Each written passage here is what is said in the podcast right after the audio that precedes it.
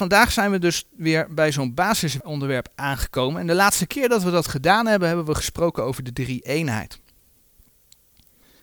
Want we zagen dat de Heer zich in de schrift openbaart als een drie-eenheid. God is één en toch bestaat hij uit drie.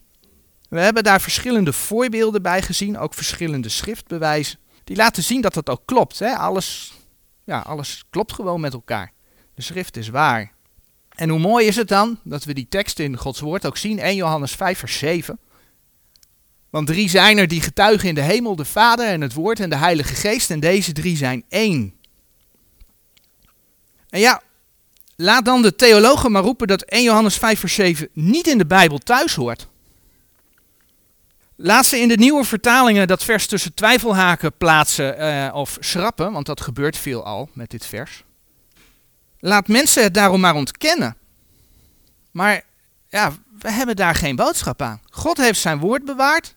Zijn woord is in de reformatietekst tot ons gekomen. Voor Nederland de Statenbijbel. En daar staat in geschreven. En deze drie zijn één. En als het nou met de rest niet zou kloppen, maar ja, Gods woord is waarheid. God heeft zijn woord bewaard, dus het is gewoon zo. En de voorbeelden die je aanhaalt, die staan voor dat. Daar is ook niets rooms-katholieks aan. Het is gewoon zuiver Gods woord. En we zagen dat de Heer de mens, en daarom is dat ook zo belangrijk, de mens oorspronkelijk schiep naar zijn beeld. Dus als je de drie eenheid niet aanneemt, dan ga je dus ook bij de schepping van de mens en hoe de mens in elkaar zit, ga je ook scheef. En dat zie je dan ook vaak, want vaak wordt gezegd dat geest en ziel, ja, dat is eigenlijk hetzelfde. Maar geest en ziel is niet hetzelfde, want de Bijbel maakt daar onderscheid tussen. Dus God schiep de mens naar zijn beeld en God schiep de mens bestaande uit drie. Een geest, een ziel en een lichaam. 1 Thessalonicense 5 vers 23, daar kun je dat ook heel mooi zien staan. Nou, het lichaam is de tent waar de ziel in woont. De ziel heeft een lichamelijke vorm. De ziel is in feite het geestelijk lichaam. Daarmee zeg ik dus niet dat de ziel de geest is, maar de ziel is een geestelijk lichaam. En de geest is als wind, is als adem. Dus vanuit die basis van de drie eenheid willen we dan nu verder kijken. En dan willen we stilstaan bij de vraag: waarom heeft de mens redding nodig? En laten we wel zijn, veel mensen denken dat ze het zo slecht nog niet doen vandaag de dag. En zolang mensen ze met rust laten, dan houden ze rekening met, eh, met elkaar. Tenminste, voor de gemiddelde mens geldt dat meestal. Velen roken of drinken niet. Zeker niet naar de gezondheidshype van, uh, van uh, de laatste jaren. Dat je je, je, je, je, je, je werkelijke leeftijd en zo kan berekenen, weet ik veel hoe dat allemaal heet. Alsof een computerprogramma kan bepalen hoe oud jij gaat worden. En ja, en moorden, dat hebben de meeste mensen ook nog niet gedaan. Tenminste, niet bewust. Dus wat maakt een christen beter dan een niet-christen? En ja, en, en, en soms moet je misschien ook wel gewoon heel eerlijk tot de conclusie dat sommige niet-christenen beter leven dan sommige christenen. En dat de wereld zich afvraagt, waarom zou een christen überhaupt naar de hemel toe gaan? Nou, we hebben in Genesis 2 vers 7, en die tekst gaan we nog een keer lezen, gezien dat de mens bestaat uit een lichaam, een geest en een ziel. Genesis 2 vers 7. En in Genesis 2, vers 7, daar lezen we over de schepping van de mens. En de Heere God had de mens geformeerd uit het stof der aarde. Dat is zijn lichaam. En in zijn neusgaten geblazen de adem des levens. Daar heb je de geest van de mens. Alzo werd de mens tot een levende ziel. Daar heb je de ziel van de mens. Aangezien die mens naar Gods beeld geschapen werd, kun je vinden in Genesis 1 vers 27, Genesis 5 vers 1 bevestigt dat nog een keer mag je aannemen dat de mens, zoals ik in dit plaatje gezet heb, met een levend lichaam, met een levende geest en met een levende ziel geschapen is. En ik zeg dat mag je aannemen. Maar als je ook kijkt naar de opdracht die de mens geeft, wordt dat ook bevestigd. Want in Genesis 2, vers 17 keek de mens, uh, kreeg de mens de volgende opdracht. Maar van de boom der kennis des goeds en des kwaads, daarvan zult gij niet eten, want ten dagen als gij daarvan eet, zult gij de dood sterven. Ja, als je kunt sterven, dan ben je dus levend. En nu staat er geschreven in Genesis 2, vers 7, ten dagen als gij daarvan eet, zult gij de dood sterven. Maar we weten dat Adam niet stierf nadat hij gegeten had van de vrucht. Adam en Eva werden door de Heer met een vloek uit de hof van Eden geplaatst. Genesis 3, vers 23. Maar lichamelijk, en dat lees je in Genesis 5, vers 5, stierf Adam pas toen hij 930 jaar was. Is dan de Bijbel in tegenspraak? Ik bedoel, de Heer had toch gezegd dat hij zou sterven ten dagen dat hij daarvan zou eten? Genesis 2, vers 17. Nee, de Bijbel is niet in tegenspraak. Lichamelijk is Adam niet gestorven, maar Adam had een geest, een ziel en een lichaam. Adam was geestelijk gestorven. En dat blijkt als je dan de rest van de Bijbel gaat lezen. We gaan bijvoorbeeld Efeze 2, vers 1 opzoeken.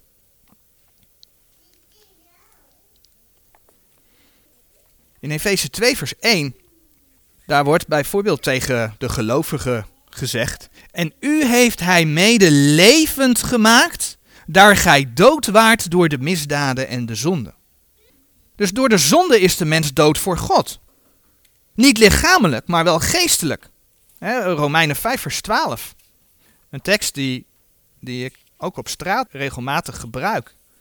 Romeinen 5, vers 12. Daarom gelijk door één mens de zonde in de wereld ingekomen is en door de zonde de dood. En alzo de dood tot alle mensen doorgegaan is, in welke alle gezondigd hebben. En dan bladeren we naar Johannes. Johannes 3. Het is niet voor niets dat de Heer Jezus een oproep doet. In Johannes 3, vers 7. Gij lieden moet wederom geboren worden. En de context van dat vers maakt dan duidelijk dat het inderdaad een, om een geestelijke wedergeboorte gaat. Kijk maar in vers 6. Hetgeen uit het vlees geboren is, dat is vlees. En hetgeen uit de geest geboren is, dat is geest. En als we dan vers 5 er nog bij lezen, Jezus antwoordde, voorwaar, voorwaar zeg ik u, zo iemand niet geboren wordt uit water en geest, hij kan in het koninkrijk gods niet ingaan. Dan zien we dat de geboorte uit vlees in deze tekst hetzelfde is als de geboorte uit water. En dat klopt ook wel, want het menselijk lichaam bestaat voor het grootste gedeelte uit, gedeelte uit water. Dus als hier over de geboorte uit water gesproken wordt, heeft dat helemaal niets met de doop te maken, wat heel veel mensen zeggen. Het heeft puur met een, een, een lichamelijke geboorte, een vleeselijke geboorte te maken. Nicodemus vroeg ook, om wederom geboren te worden, moet ik dan weer in de buik van de moeder ingaan om opnieuw geboren te worden? Nee, het ging niet om een vleeselijke geboorte, maar hij moest en uit water, en dus als kindje geboren worden, maar vervolgens moest hij ook uit de geest geboren worden, geestelijk geboren, wil hij het koninkrijk Gods ingaan.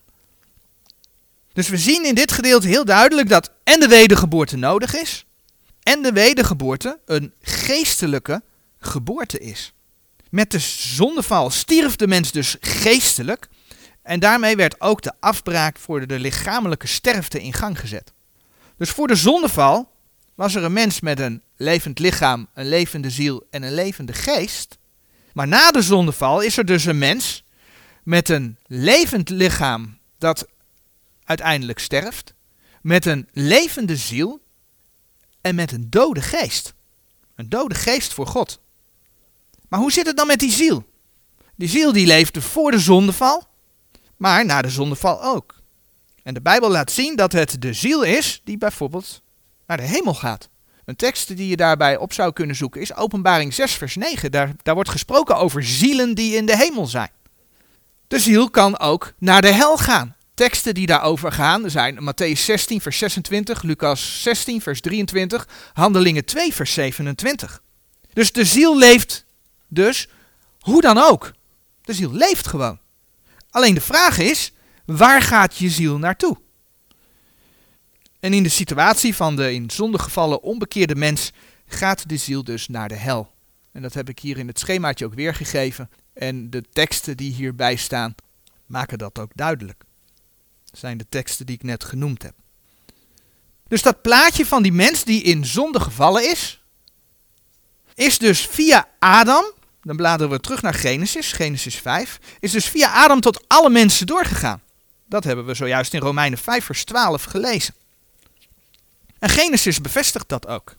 Want we hebben dus gelezen dat Adam in het begin naar het beeld van God geschapen werd. Maar kijk wat er in Genesis 5 vers 3 staat. Daar lezen we, en Adam leefde 130 jaar en gewon een zoon naar zijn gelijkenis, naar zijn evenbeeld en noemde zijn naam Seth. Dus Adam was in zonde gevallen. Hij kreeg kinderen en die kinderen werden geboren niet naar het evenbeeld van God, maar naar het evenbeeld van de in zonde gevallen Adam. Dus ieder mens wordt vandaag de dag geboren met een levend maar sterfelijk lichaam, met een dode geest en met een levende ziel. En dat betekent dat ieder mens dus opnieuw geboren moet worden, wil hij dat koninkrijk van God binnengaan. Nou, dat koninkrijk van God, daar gaan we nu niet uitgebreid op in. Dat is een geestelijk koninkrijk. Voeg je dat samen met het koninkrijk der hemelen, dan heb je het over duizendjarig vrederijk. Maar in de gemeente is vandaag de dag ook wel zeker dat geestelijk koninkrijk aanwezig. Geen letterlijk fysiek koninkrijk op aarde, maar wel een geestelijk koninkrijk. Daar zijn we als gemeente deel van. Dus wil je bij de Heer in de hemel komen, wil je je ziel behouden, wil je een kind van Hem zijn, dan zul je dus wederom geboren moeten worden. Maar wat gebeurt er dan? De mens verloor bij de zondeval dat beeld van God. En door de wedergeboorte krijgt de mens dat beeld van God terug. In ieder geval op het moment van de wedergeboorte gedeeltelijk. Want in de toekomst zal de Heer dat werk gaan afmaken. We zagen al dat de wedergeboorte een geestelijke geboorte is en dat betekent dat de, door de zondeval dode geest van de mens door de Heer levend is gemaakt. Als we naar Efeze 2 gaan, teruggaan, want daar zijn we al eerder geweest. Efeze 2 vers 1. Lees ik nog een keer. En u heeft hij mede levend gemaakt daar gij dood waart door de misdaden en de zonden. Dat was Efeze 2 vers 1. Maar dan lees je daar in vers 5 en 6 ook nog bij. Ook toen wij dood waren door de misdaden, heeft ons levend gemaakt met Christus. Uit genade zijt gij zalig geworden. En heeft ons mede opgewekt en heeft ons mede gezet in de hemel in Christus Jezus. Als je lichaam al leefde, als je ziel al leefde, dan betekent het dus dat je geestelijk levend bent geworden door het geloof in Jezus Christus. Nou, daar kun je een tekst als uh, 1 Korinthe 6 vers 17 bij zoeken, waar de Heer zegt dat die de Heer aanhangt, is één geest met hem. 1 Korinthe 6 vers 17. Een tekst die we opzoeken is 2 Korinthe 5 vers 17. 2 Korinthe 5 vers 17 zegt zo mooi dat je dan ook een nieuw schepsel geworden bent. 2 Korinthe 5 vers 17. Zo dan indien iemand in Christus is, die is een nieuw schepsel. Het oude is voorbij gegaan, zie het is alles nieuw geworden. En als je dan doorbladert naar Colossense, Colossense 3 vers 10, die spreekt dan ook letterlijk over de nieuwe mens. Colossense 3 vers 10. En aangedaan hebt de nieuwe mens die vernieuwd wordt tot kennis naar het evenbeeld desgene die hem geschapen heeft. Daar zie je dus dat die nieuwe mens geschapen is naar het evenbeeld desgene die hem geschapen heeft. Dus er vindt herstel plaats van de schade die bij de zondeval is aangericht. En de ziel? De ziel die krijgt een nieuwe bestemming. Want die ziel mag, mag, die gaat van een wederom geboren gelovige naar de hemel. Die verse teksten die je daarbij kunt opzoeken, Lucas 23, vers 43 is de oud-testamentische situatie. Maar als je daar Efeze 4, vers 8 bij plaatst, dat de gevangenis van het Oude Testament uit het hart der aarde door de Heer Jezus mee is genomen naar de hemel, dan lees je ook dat Paulus op diverse plekken uh, zegt dat hij verlangt om bij de Heer te zijn. Filippenzen 1, vers 23, 2 Korinthe 5, vers 8. En dan zie je dat Hebreeën 10, vers 39 ook spreekt over de behoudenis der ziel. Hebreeën 10, vers 39. Maar we zijn niet van degenen die zich onttrekken ten verderven, maar van degenen die geloven tot behoudenis der ziel. En toch, toch is het herstel nog niet compleet. Want we hebben dan weliswaar een ziel die behouden is. We hebben een levende, levende geest, een ziel die behouden is. Maar ons lichaam, leeft weliswaar biologisch, maar is wel aan afbraak onderhevig. En ja, of je nou wederom geboren bent of niet, als je sterft, dan vergaat dat lichaam. Maar voor de gelovige geldt nog wel iets extra's. Als je de Heer Jezus hebt aangenomen, dan zegt de Bijbel namelijk dat je met Hem gestorven bent. Ja, en dat geldt nu net niet voor de geest, want daarvan hebben we gezien dat die door de wedergeboorte levend is geworden. Dat je met de Heer gestorven bent, dat heeft te maken met dat lichaam. In Romeinen 8, vers 10, daar lees je bijvoorbeeld. Romeinen 8, vers 10. En indien Christus in u lieden is, zo is wel het lichaam dood om der zonde wil. Maar de geest is leven om der gerechtigheid wil. Dan lezen we het, hè? zo is wel het lichaam dood om der zonde wil. Andere teksten die je daarbij kunt opzoeken zijn Romeinen 6 vers 6 en 11, Galaten 2 vers 20. Je wordt dus geboren met een levend lichaam en een dode geest, maar door de wedergeboorte verandert dat in een dood lichaam en een levende geest. Dat is precies andersom. Na de zondeval, de mens van nature, een dode geest eh, met een levend lichaam. En na de wedergeboorte is dat een levende geest met een dood lichaam. Dood lichaam voor de zonde. Nou, zoals gezegd zal ook het lichaam veranderd worden. Je krijgt als wederom geborene namelijk nog een opstandingslichaam. Want het lichaam, Romeinen 8 vers 23, verwacht nog de verlossing.